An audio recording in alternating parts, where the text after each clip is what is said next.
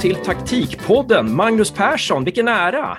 Tack så mycket för det. det kul att vara med. Jag ska snart göra en liten presentation av dig, så får du eh, rätta den eller lägga till sånt du tycker jag missar. Eh, men innan dess, eh, välkommen också Josef, nybakad idrottsvetare. Tack så mycket. Och du scoutar också för lite olika lag eh, här och där. Eh, så att, grymt att du kan vara med den här kvällen, sommarkvällen. Magnus, jag är så gammal så att jag minns din spelarkarriär, tyckte du var skitbra spelare och blev nyfiken när du gick till Göteborg där. Men det, jag vet inte hur det blev med Göteborgs karriär, men det kan vi komma till kanske. Eh, men du, du tog två SM-guld tror jag med Djurgården 2002-2003 som spelare. Eh, sen sadlade om ganska snabbt och blev tränare. Jag tror att du tog upp Sirius också till eh, superettan 2006. Du har varit i Allborg Guys, eh, blivit svensk mästare med Malmö FF eh, också varit tre år som förbundskapten i Estland och nu är du då, nu ska vi se att jag uttalar det här, uttalar kanske jag inte gör, men eh, nu är du i alla fall eh, delägare i Vélez Club de Fotboll i Malaga, en spansk klubb som vann division 3. Eh, någonting du vill lägga till eller rätta där? Ja, eh, det, det mesta var ju väldigt rätt. Eh, sen kan man väl lägga till och, och sådär. Men man kan väl säga då eh, SM-gulden som spelare så tillhörde jag ju truppen 2002 men var skadad hela året. Så att eh, visst, jag tillhörde den men, men jag kände mig inte så delaktig. Och 2003 så slutade jag min karriär redan på försäsongen så att den kan jag verkligen inte eh, få. Jag tog ett eh, riktigt SM-guld när jag, som spelare när jag var 16 år. Det och avgjorde den finalen själv också. Så den tar jag åt, men de andra är lite så här diffusa. Så därför var det här guldet med Malmö 2017 som tränare, det var höjdpunkten i karriären. Ja, hittills. Hittills. Eh, ja, just det. Mm. Ja, ja, och, sen, men... och sen också en annan rättning att eh, den här serien vi vann var faktiskt fjärde divisionen i Spanien och vi gick upp till tredje nivån. Då. Ni gick upp till tredje nivån, men eh, ni vann den och det verkar som att ni vann den med några matcher i hand till och med. Att det var så ja, pass överlägset. Eh, vi, vann, vi vann den med åtta poäng till slut och 12 poängs marginal till trean och de två första gick upp. Så att eh, det kändes inte så kan jag säga att det var så överlägset, för man är ju alltid så nervös hela, hela vägen och framförallt när man för första gången inte själv var tränare och kunde ta några beslut, utan man fick eh, sitta där på, på läktaren och bara följa med. Men det var en viktig lärdom som jag tror, nu förstår jag fansen lite mer. Ja, just det, just det, just det. Ja, precis, precis. Det säger John Wall som vi kör podden med, eh, som, som är med och producerar podden, att eh, nu tänker ni som fans, säger han till mig, Josef, ofta. Så det har vi fått lära oss eh, vad det innebär. Men så grattis eh, Magnus till promoveringen där, helt, helt grymt ju. Och du är delägare i, i VLS och kan man specificera din exakta roll. Uh, vilken är den och, och, hur ser en normal vecka ut uh, där nere? Rollen är eh, som du sa att jag är delägare. Vi är fyra stycken svenskar som äger klubben. Jag är, för, om vi ska prata titlar då, så är jag vicepresident. Jesper Norberg som jag driver klubben med här nere, som är en, en, en till fjärdedel av delägarna, är president. Och sen så är han även vd och jag är eh, fotbollsdirektör eller director of football. Då. Så det är titlarna. Men man kan säga att Jesper och jag, det är ju, det är ju eh, vi som har haft de här idéerna egentligen eh, sedan 2013 att vi vill driva fotbollsklubb på det sättet vi nu gör det. Eh, och sen så för några år sedan hittade vi Joakim Karlsson och Jakob Dahlborg som är med oss som de andra två delägarna som som har eh, varit med och, och, eh, satsat pengar i, i de här idéerna och i klubben. Då. Så, att, eh, så, så är angående titlar och roll och, och så vidare. Och en, en vecka, ja, alltså det är väl som i alla, jag skulle likna det här som ett startup i vilket företag som helst, eh, därför att vi kom till en amatörklubb och nu håller vi på att göra den till en proffsklubb och har kommit ganska långt med det. Men det gör ju att allt är ju från början och mest har det handlat om att bygga strukturer och bygga verksamheten och an, otroligt mycket rekrytering av både spelare och ledare och administrationspersonal. Eh, så att eh, eh, ja, och sen plus att det är på ett annat språk och, eh, och man inte kände någon innan. Så det, jag kan inte säga att en vecka ser ut på ett visst sätt, utan det är nonstop eh, underbart, men eh, så, ibland lite mycket. Mm. Hur skiljer sig professionalisering eh, i Spanien gentemot Sverige? Att professionalisera en klubb där? Um, jag har inte jobbat på så låg nivå kan jag säga i Sverige eh, under min tid som ledare som, som jag kom in till här. Och när jag säger låg, eh, det vill säga att det var en ren amatörklubb. Det fanns, ingen pro, det fanns en halvtids eh, eh, sekreterare på halvtid. Han hade egentligen hela klubben i ryggsäcken och satt, i, satt på olika ställen och jobbade. Och jag, jag började min tränar och ledarkarriär i Åtvidaberg som då hade samarbete med, med Djurgården i, under tre år. Och det var i superettan och de var, där hade vi ändå några proffsspelare och några deltidsspelare och det fanns ändå några anställda också. Så att, så att jag kan inte riktigt göra jämförelsen. Sen kan man ju säga att det det är ungefär samma saker som ska göras, att man bygger steg för steg och försöker hitta nyckelpersoner som är duktiga och beredda att lägga sin, sin själ i det här och sen försöka skapa arbetsbeskrivningar och, och så vidare. Så det är nog ungefär samma, samma process faktiskt. Men jag har inte gjort den så från den botten jag skulle säga att vi, vi kom till. Då. Men det är också fantastiskt, det är jätteroligt. Mm. Och du säger att ni ville bygga den här klubben som ni ville ha den. Alltså, liksom, det här är ju liksom drömmen för alla som är intresserade av fotboll, att få ja, bygga en, en klubb från grunden. Um, så, och, och, ni ville, ja, vad, vad, innebär det att ni ville bygga den eh, som ni ville ha den? Vilka som byggstenar var viktigast där för er? Ja, men den, det här, nu ska jag försöka göra det här till ett kort svar, för det här går ju att prata länge som helst om. Men nummer ett var det ju att, eh, att inte sitta i händerna på eh, människor som inte kan fotboll mer än jag själv. Eh, och då pratar jag inte bara alltså, som spelarerfarenhet och tränarerfarenhet, utan jag pratar även rent att bygga en fotbollsklubb. Eh, att, att kunna ta de besluten själv. Sen är det klart att vi behöver där Jesper och jag inte är lika starka och erfarenhet är ju såklart den kommersiella sidan, även eh, hur man bygger bolagsstrukturer och så vidare. Och då behöver vi jobba med de som kan det i det, självklart. Men att, att det är fotbollsmänniskor och med då erfarenheter från alla roller inom fotboll egentligen, eh, tror jag Jesper och jag har nästan tillsammans under de här nästan 50 åren vi har jobbat eh, i professionell fotboll att det är fotbollsmänniskor som driver det, där fotbollen kommer centralt hela tiden. Allt vi gör handlar om hur kan klubben utvecklas, hur kan, vi, hur kan alla i klubben se till att vi ger förutsättningar för att vinna nästa match. Eh, att ha det, det mantrat i huvudet hos alla och att det kommer från fotbollen, det är väl det mest centrala. Sen om man tar det som vi, nästa steg tycker jag är egentligen rekryteringen. Alltså en fotbollsklubb är ju rekrytering A och O. Det spelar ingen roll hur skickliga vi är. Nu pratar jag egentligen då om, om där A-laget är centralt. Sen finns det ju andra verksamheter inom fotboll med ungdomsarbete, akademier och så vidare. Men om, i vår klubb där A-laget är väldigt centralt eh, och enda sättet egentligen för oss att växa Eh, då är det ju så att om inte vi anställer rätt människor, både på och utanför plan, så, så har vi ingen chans att, att göra någon skillnad. Och där, där, tycker, där har vi valt att lägga all fokus först, först på att bli duktiga på det.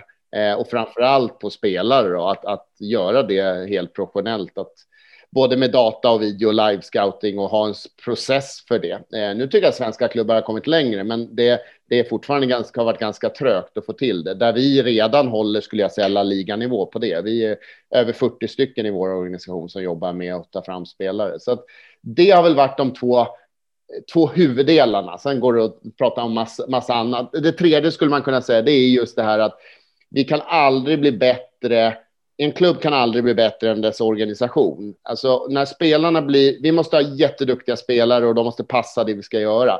Men om inte föreningen eller klubben kan ha en organisation som gör att verksamheten fungerar, där det är en kultur som är proffsig, där man, där man eh, ger förutsättningar för människor att växa, då kommer det alltid gå alldeles för mycket upp och ner. Men har man en organisation som fungerar, då, då kan man nå den här kontinuiteten och, och bygga steg för steg som egentligen alltid är framgångsfallet för de eh, framgångsreceptet för de klubbar som har lyckats över tid. Det är precis så man gör, men det kommer till av ofta av tillfälligheter och sen så har man kloka människor som håller i det sättet att tänka.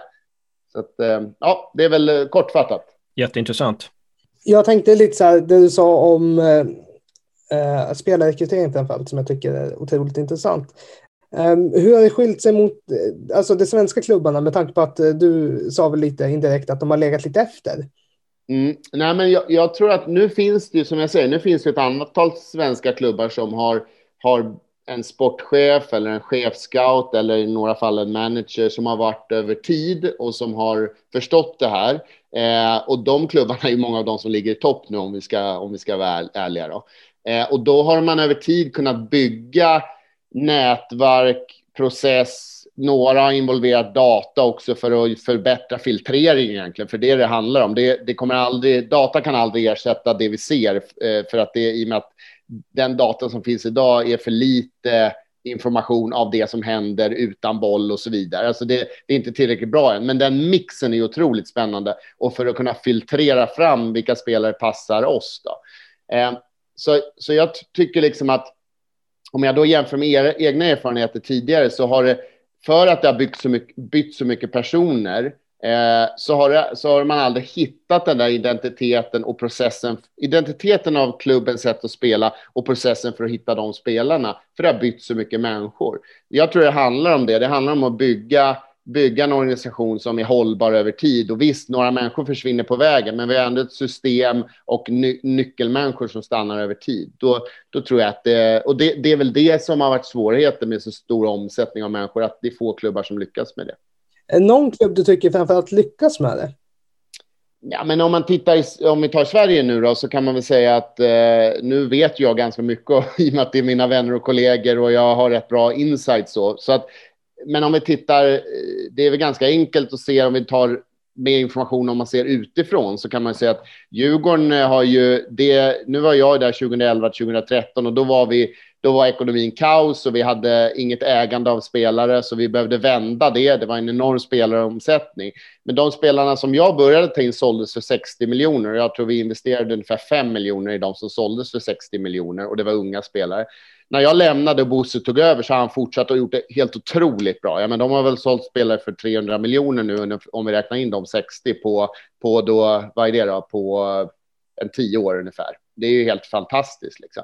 Norrköping är ju en annan klubb som har varit väldigt, väldigt duktig med, med först Janne som tränare, men sen Jens under. Det var ju ändå tio år de två var med två, två managers där man eh, och sen har, tycker jag nu då när, när man har en chefscout som är skicklig i, i det och man har fortsatt samma profiler av spelare. Så det är väl exempel. Sen vet jag att Hammarby ligger långt fram också, fram, kanske de som ligger längst fram om vi tittar på, på data då, eh, där man jobbar väldigt integrerat data, video scouting, live scouting. Så att, eh, det är väl några exempel, några som har gjort det riktigt bra. Ja, vi får ju också, om vi tar då lite mindre klubbar så är det klart Varberg med Jocke Persson som är en av mina bästa fotbollsvänner. Eh, han eh, har ju också lurat systemet kraftigt kan man säga genom att vara oerhört noggrann med eh, att titta framförallt på, på division 1 och, och lite superettaspelare som, som man har trott på att är man duktig där har de egenskaperna som passar mig så funkar det även på allsvensk nivå. Eh, så det är häftigt utifrån ett lågbudgetbygg att se det. Mm. Det är några saker som du har insett nu när du har jobbat här, när du har jobbat med mycket med rekrytering och anställa rätt folk och, och så där, bygga från grunden. Eh, någonting som du kände så att, ah, tänk om jag hade haft den här kunskapen liksom, eh, när jag tränade guys eller någonting sånt där. Är det någon sån där grej som du har, du har lärt dig nu under det här senaste året, tycker du? Ja, jag har lärt mig sjukt mycket såklart, liksom. men det är nog mer, eh, jag, jag, kan nog säga att idag jämfört då med för drygt tio år sedan när jag var i Gais, det är 13 år sedan, så det är ganska länge sedan, så det är klart att det, jag tror att det som erfarenheterna som man har fått med sig, både de bra och de, de tuffa och jobbiga, är väl just den här... Det vi ska försöka göra är ju egentligen två saker. Det ena är att vi ska försöka eh, vara konkurrenskraftiga och ta steg upp i seriesystemet samtidigt som vi vill ha spelare i, i i, eh, ja, men säg, mellan 19 och 24 som ska kunna vara hos oss, utvecklas och vi ska kunna sälja eller placera dem vidare. Och det där ska ju vi balansera och det tror jag väldigt många svenska klubbar också står inför att vi, vi vill få till den här härliga transfern som gör att vi kan bygga vidare på vår verksamhet. Men jag tror att för tio år sedan så var jag lite mer naiv i det, alltså att kanske mängden av de här unga spelarna där potentialen är väldigt stor, den får aldrig bli för för stor därför att det blir lite bräckligt framförallt i motgångar då. Det är ungefär som när du har en stor spelaromsättning från ett år till ett annat. Då är det väldigt skört därför att det finns ingen, ingen riktig grund och fundament att stå på. Eh, och, så därför så kan man väl säga att när vi nu bygger så har vi vi har fortfarande att vi vill ha ett visst antal unga spelare som också har en bra chans att spela och bli nyckelspelare som får erfarenheten och inte bara sitter på bänken. Men det antalet får inte bli för stort. Vi måste vara säkra på att nivån på våra bärande spelare som har mer erfarenhet, den är tillräckligt bra och det får hellre vara någon fler utan att det får bli, vi får inte bli tjocka och feta på bänken eller gamla och skröpliga. Men det tror jag vi har, vi har varit extra noga med nu när vi ska balansera det här, att vi både ska vara konkurrenskraftiga och, och kunna även eh, få ögonen på vissa spelare. Och hur har ni gjort det? Eh, hur, eh, ja, det är egentligen det, så, har vi, så vi har gjort det är att vi har en vi har en truppstruktur vi följer egentligen utifrån ålder. Där, där grunden är den, vårt, vårt mål är att vi ska vara sex spelare som är över 25 år och resten under 25. Det är vårt mål. Men vi har fattat att vi inte är tillräckligt bra ännu för att nå det. Vi kan inte nå tillräckligt bra spelare bland de där sex och vi, vi känner inte de spelarna tillräckligt bra för att vi ska kunna lita på dem.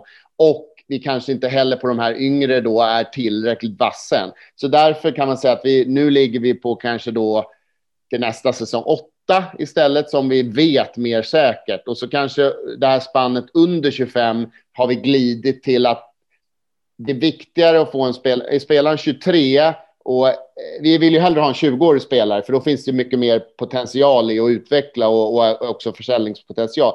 Men om spelaren är klart om det är en nivå bättre på 23-åringen så tar vi den. Därför att det finns fortfarande en vidareförsäljningspotential, men han har mer i bagaget. Så det är väl ungefär hur vi glider på skalan just nu. Då. Mm. Alltså, nu är vi inne lite på det här med kvalitetssäkring också, eller, eller vi kan komma in på det kanske lite mer. Jag menar, hur, för ni måste ju ha något slags system som gör att ni liksom kvalitetssäkrar hela tiden, att, så att ni kan checka av att, ja, att vi, ni gör det ni ska göra. Liksom, hur, hur, hur går den processen till? I rekryteringen tänker du? Ja, jag tänker rekrytering, jag tänker allting liksom när ni, när ni bygger klubben så där att, att, att ni vill att den går åt det håll ni vill. Då, för att vara säkra på att klubben går åt det håll ni vill så behöver ni ha vissa så punkter kan jag tänka mig som ni checkar av ibland. Mm. Eh, men vi kan ju ta, vi kan börja ta rekrytering, vi kan ta annat också. Mm. Nej, men rekryteringen kan vi börja med, för den har ju varit så, är ju och kommer alltid vara väldigt central. Och där är ju alltså utbildandet av våra scouter att, eh, har ju varit utifrån att, att frekventa möten och eh, feedback på de rapporter och allt vi får och, och att vi också utgår från mycket data så att vi vet att de, först, de spelare vi tittar på eh, är rätt profiler utifrån sättet vi vill spela. Så det är en tydlig identifiering av vad vi söker, att utbilda våra scouter och sen har vi ett system som gör att vi har ett antal filtrerings, alltså antal nivåer som gör att när det väl kommer till mig och chefscouten eller chefscouten i sista checken så jag behöver bara titta på de fem, tio bästa spelarna och det tycker jag vi har lyckats bra med. Så det är väl ett sätt att kontrollera det. Men igen, vi, vi, har, gett, vi har gjort det här på, på tio månader. Vi har, eh, vi har lång väg att förfina det, men vi har kommit långt redan. Om man tittar annars så kan man väl säga att så så det gör ju att vi bygger en spelartrupp vi kan känna oss trygga med. Det andra är ju ledartillsättningen då, att, att samma sak där, att det är svårare, mycket svårare att rekrytera ledare, eh, tycker jag, än spelare. För att eh, du, får, du, det, är så, det, är andra parametrar som, som inte... Visst, man kan se en tränares eh, tidigare lag, hur de spelar, men det, det, är så mycket annat i ledarskapet och personligheten. Och, och vi ska inte tala då om, om hela den apparaten runt huvudtränaren där det är ännu svårare att få fram den informationen. Men, men det är väl också att, att hitta rollfördelning där, att hitta ett sätt att kommunicera med veckomöte, alltså ha, ha avstämningar hela tiden som gör att vi kommunicerar. Kommunikationen skulle jag säga där. Eh, Eh, så det är väl på det. Sen har vi ju då, vi hade ju som jag sa inget, ingen administration. Nu är vi fem stycken som sitter på ett kontor. De har aldrig haft ett kontor innan. Och där är det mer att, där har det mer varit att jobba till att eh, se till att alla, alla har, har, gör rätt saker och att vi samarbetar på ett bra sätt. Så jag skulle säga oerhört mycket kommunikation och det, vi är inte där än att vi, vi har eh, vi har liksom månadsstrategimöten, utan det är fortfarande så att vi har väl gått från egentligen avstämningar varannan timme till att vi nu kanske har avstämningar två dagar i veckan beroende på vem vi... Eh, Jesper har ju ansvar för några och jag har mer ansvar för några. Så att eh, ja, det, är egentligen, det, är väl, det jag egentligen säger är ju egentligen hur vi bygger organisation och ser till att få, få de människorna vi har att göra rätt saker och fungera tillsammans. Så skulle jag säga. Eh, och hur får man, hur får man eh, folk att göra rätt saker? Och vad tror du nästa steg är efter två, alltså daglig check eller mm. varannan daglig check? Ja, men jag skulle säga att det är ju att få nästa steg är ju att eh, det, det är kanske då ett, ett veckomöte mer och att vi börjar vrända det till att det är istället de, för jag tror inte vi kommer växa så otroligt mycket i vår, vår eh, stab nu. Jag tror att eh, både tränarstaben som vi kommer att ha nästa år, den kommer vi nog i antal kunna kanske addera någon. Men jag tror att vi har egentligen kommit dit att vi är ungefär som en liten allsvensk klubb, fast med lägre ersättningar, men i antal liksom. Så det handlar mer om att få dem mer självgående, få ut mer av varje och få dem att ta vad ska man säga, att utveckla sig själva och varandra. Samma sak på administrationen. Vi kommer säkert behöva någon säljare till och så, men jag tror inte vi kommer växa så mycket, utan det handlar mer om att de tar mer ägarskap och, och driver mer sina egna delar och blir mer självgående och mer kommer till oss för, för stöd och feedback. Vi är fortfarande i sådär att ibland springer de iväg och så får vi dra tillbaka och så blir det, det är en blandning mellan att få uppgifter, för det är också en annan kultur i Spanien. Man är van vid att chefen säger gör det här och du har här, den här deadlinen. Och vi, vi vill ju ha ett mer ett skandinaviskt ledarskap, men har ändå förståelse för att vi kan inte börja med ett skandinaviskt väldigt demokratiskt innan vi vet att, att de är självgående, för de är inte vana vid det. Så att vi är väl den där balansen fortfarande att vi släpper iväg lite och så får vi korrigera och ibland ger vi uppgifter. Så att, men det naturliga steget för mig, det är ju, eller som jag ser det, är ju att jag och Jesper har ingen ambition att vi ska jobba de här 60-70 timmarna i veckan som vi gör nu eh, om, om två år. Nej, men så är det. Alltså, vi älskar det vi gör, det är underbart, men vi har en ambition att vi ska, att vi ska kunna ta kanske, det kanske dröjer två år. Vi kanske har ungefär två år till där vi behöver vara väldigt hands-on. Men sen ser vi framför oss att vi ska göra det här jättemånga år och där vi, där vi mer utvecklar, precis som vi utvecklar unga spelare, unga tränare, så vill vi också utveckla vår personal till att vi, vi finns med på en, alltså mer på en, i en ägarfunktion än att vi är väldigt hands-on. Eh, sen kanske man tänker annorlunda för det är så himla kul, men det är ändå vår, vår bild av hur vi skulle vilja liksom utveckla klubben. Ja, jätteintressant. Om vi kommer in slutligen då på det här med taktik då. Alltså hur, eh, ni måste ju då, när ni, eh, antar jag då, när ni ska by ni bygga en klubb från grunden, att ni har tankar om ett spelsätt då. Så här ska vi spela. Och då är min första fråga, om du skulle bygga ett lag från grunden i Sverige, eh, och bygga ett spelsätt. Alltså skiljer, kan du göra, kan du jobba, eller kan du jobba taktiskt med andra saker i, i, i Spanien än ni skulle kunna göra med, eh, i Spanien än ni skulle kunna göra med svenska spelare? Förstår du min mm. fråga lite där? Ja, ja. Jag, eh, jag var på väg någon annanstans, men sen svängde du till det där på slutet så att jag var tvungen att... Nej, men äh, jättebra fråga. Ähm, jag skulle säga så där att, att sätt, bara för att svara på det jag tänkte svara först, så tänkte jag säga att sättet vi vill spela eh, hade, in, hade vi gjort det här i Sverige hade vi valt samma sätt om vi fick bygga från grunden och vi har total kontroll och vi vill bara utveckla fotbollsspelare och fotbollen. Så vi hade valt samma, samma sätt att spela där, där intensitet, spela framåt, hög press, eh, att slå linjer, det är egentligen spela framåt. Men, men eh, det hade varit, och en väldig löpkapacitet och snabbhet, det hade varit eh, samma i Sverige. Skillnaden kan man säga då att här har vi tekniskt skickligare spelare. Det är inget snack om det. Även om vi nu mäter våra spelare med, med eh, kanske inte de bästa allsvenska spelarna, men om vi nu tar medel, eh, de, de, de medelbra eller sämre spelarna i allsvenskan, där jag ungefär säger att vi är nästa år, eh, om vi skulle jämföra.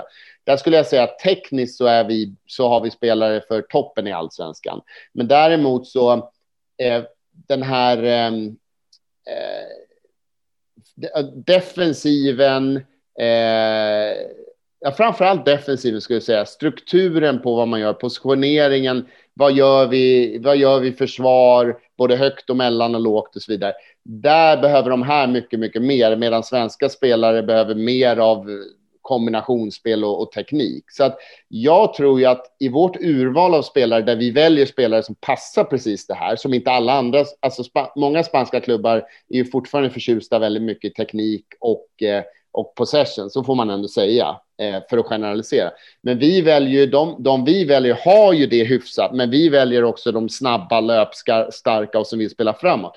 Så vi, jag tycker vårt urval blir rätt unikt här nere. Eh, och sen får vi, vi lära dem nu då, för att spela en väldigt intensiv fotboll, eh, där, där vi behöver sätta försvarsspelet på alla dess höjder. Där behöver vi fokusera mer. Men jag tror att gör vi det så kommer vi, precis som vi såg första året, att vi blev väldigt bra, eh, så tror jag att vi kommer bli väldigt bra framöver också. För vi gör någonting lite annorlunda. Mm. Jag tänkte på det, det du sa där, att eh, ni, ni har ett urval lite en bit ifrån spanska, hur ska man säga, eh, normen. Ger det, ger det en fördel för er när ni väl ska leta spelare? Att, att vissa spelare är antingen undervärderade eller inte alls betrodda hos spanska klubbar för att de inte följer normen? Jag skulle vilja säga ja på det, men jag vet inte om det är sant. Eh, jag tror att det som ger oss fördelen är ju mer för oss själva att vi bara letar en viss typ av spelare, vilket gör att när vi träffar spelaren så kan vi berätta väldigt tydligt. Så här ska vi spela. Vi ser det i den rollen eller möjligtvis de här två rollerna. Vi har sett det här hos dig. Vi kan, vi kan visa på videodata också eh, till spel. Så vi blir väldigt vi, vi, märker det att när vi pratar med spelarna så har vi ett helt annat sätt än vad de är vana vid. Men jag ska också säga att det är inte all, det är för vissa, vissa spelare och agenter så fattar de ändå inte. Alltså, här är man så vana, alltså de, det var inte negativt. Jag menar så här, vi, vi, vi pratar förbi varandra, därför de är vana på den nivån vi har varit ofta, så bara skriva ettårskontrakt.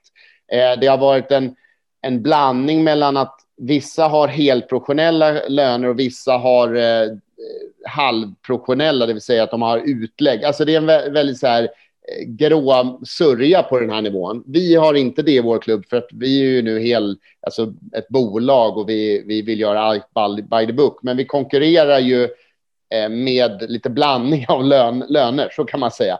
Eh, och därför så blir det så där, eh, ibland så känner, ibland får vi säga så här, okej, okay, vi, vi kör inte allt det vi kan leverera för att sälja in oss och berätta varför du ska till oss. Därför att spelaren är, det, det är nog med att, att övertyga spelarna att komma två år istället för ett år. Därför att eh, man är van att skriva ett år och sen så vill man ta nya beslut. Då.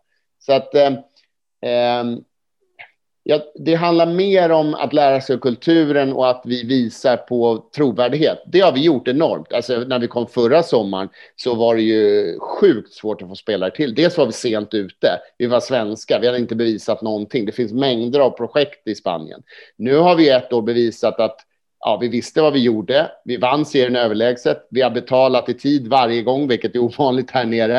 Eh, och vi har fått jättebra ambassadörer från våra egna spelare som ju pratar med sina och så vidare. Så nu är vi, och så är vi nu, när vi kom var vi kanske rankade tia i Malaga-provinsen. Nu är vi nummer två i Malaga-provinsen. Det är bara Malaga framför oss. Så det är klart att jag känner ju att vi går åt rätt håll, men fortfarande att, att locka spelaren till oss för att vi väljer en viss typ, inte, för spelaren är inte det tillräckligt viktigt än. Jag hoppas kanske om ett år eller två att vi kan säga att ja, är jag en sån här spelare och Veles vill ha mig, då går jag därför att det blir så himla rätt för mig. Men det, där har vi mer att bevisa på en högre nivå nu nästa år. Det var intressant också när du sa det här med eh, att svenskar är bra på det här med försvarsspel. Vad är det, vad är det svenska lag eller svenska spelare i eliten eh, är, är bra på när det gäller försvarsspel? Ja, jag skulle säga att gör varandra bättre, därför att vi är individuellt. Vi har varit uppväxta med att man behöver hjälpa varandra hela tiden. Eh, Eh, och det har ju hämmat vår individuella utveckling i ja, egentligen både försvarsspel och an, anfallsspel. Eh, men det är också något väldigt fint. Det är bara att kolla på, all, på vårt landslag nu. Det är ju precis det, det landslaget gör med i och för sig ett antal skickliga individer offensivt. Men det bygger ju ändå på att man alltid, om jag gör bort mig så är det alltid någon annan som hjälper till och sen gör jag inte bort mig så ofta. Så att det är nog den stora skillnaden. I Spanien så är det mycket mer tar jag bort min spelare så, så har jag gjort mitt. Och sen är det, sen är, ja, men det, är, det är mer markeringsriktat. Det är viktigare att, och försvarar försvara ytan framför, framför sig än bakom sig. Det är en enorm skillnad. Men det gör ju också att om jag då har tagit bort spelaren framför mig, då, då gör jag det mycket tidigare och så lämnar jag ett mycket större hål bakom och då är det någon annan som behöver ta ansvar för den ytan bakom mig. Så, att, så att det, är rätt, det, det har ju... Eh, det var rätt kul. Jag hörde Ferran eh, Sibila som nu fick gå i, i, från Göteborg, eh, hörde han i någon intervju eh, där han pratade, det var rätt kul, han, det här var för några månader sedan, jag hörde honom prata precis om det här och det har varit en sån här Eh, och han har, ju, han har ju jättebra erfarenhet såklart med sitt, sitt, sin bakgrund. Men just det här med vilken yta är viktigast att försvara. Att, eh, att det skiljer sig i, liksom i modersmjölken mellan spanjorer och svenskar. Liksom. Så att, eh... Superintressant. En sista grej här bara då. Alltså vi har ju pratat i, i, några poddar här, ganska många poddar har vi återkommit till, liksom att Alltså John Wall sa ju här förra veckan att han tyckte att liksom, Sverige fortfarande är alldeles för in, in, inspirerade, influerade av eh, Bob Houghton, Roy Hodgson, Svennis, att det är fortfarande det allt för mycket som gäller. Eh, vi har också pratat om det här med styrelser i svenska klubbar, så att de som kan minst har med störst makt och att det safeas för mycket i, i svensk fotboll. Liksom. Fast det finns 16 lag i allsvenskan, 16 i superettan, så, är det, ja, eh, så, så vågar man inte spela, eh, vågar man inte utveckla fotbollen. Det är fortfarande väldigt, väldigt mycket eh, zonförsvar och eh, eh, eh ja, eh, se till att man inte förlorar. Någon kommentar till några av de där sakerna? Det är en av, eh, eller kanske framför allt den huvudanledningen, eh, problemet jag och Jesper såg och varför vi nu är i, i, eh, i Spanien och inte i Sverige, är ju just det att, att det handlar, och det är inte unikt för Sverige, men om vi nu pratar om Sverige, så är det ju ändå så att med, med eh, den struktur vi har på vår elitfotboll, eh, med 51 procentsregeln och, och det du tar upp med eh, folkvalda eller medlemsvalda styre, styrelser och, och den omsättningen som vi trots allt har på, på, på många olika position, positioner i klubbarna så tror jag att det blir väldigt mycket att, att överleva som blir det centrala, att överleva i min position. Eh, det finns ju några få undantag som då lyckas och då, då överlever man för man har lyckats och så har man köpt sig tid. Men jag tror att det är där den här safeningen ligger. Alltså att när, okej, okay, vad gör vi när det inte går bra? Då backar vi hem, vi jobbar tillsammans, vi spelar enkelt, vi slår långa bollar. Det är ju liksom DNA eh, i svensk fotboll fortfarande. Vad är lösningen på när det är riktigt jobbigt och det blåser? Jo, det är att, eh, det är att då försvarar vi och vi skyddar och vi... Och det är klart att när det finns där på alla nivåer och kanske ännu mer då på nivåer där man inte är fotbollsnörd eller fotbollstränare eller fotbollsledare, utan när man kanske har varit ungdomsspelare och sen sitter man i sin styrelse. Det är klart att och all påtryckning från dem då som inte är professionella inom fotbollen. När, när det går dåligt, ja, vad händer då? Ja, då ska det vara, det ska vara enkelt, det ska vara ett eh, tydligt ledarskap, det ska vara försvarsspel först och så vidare.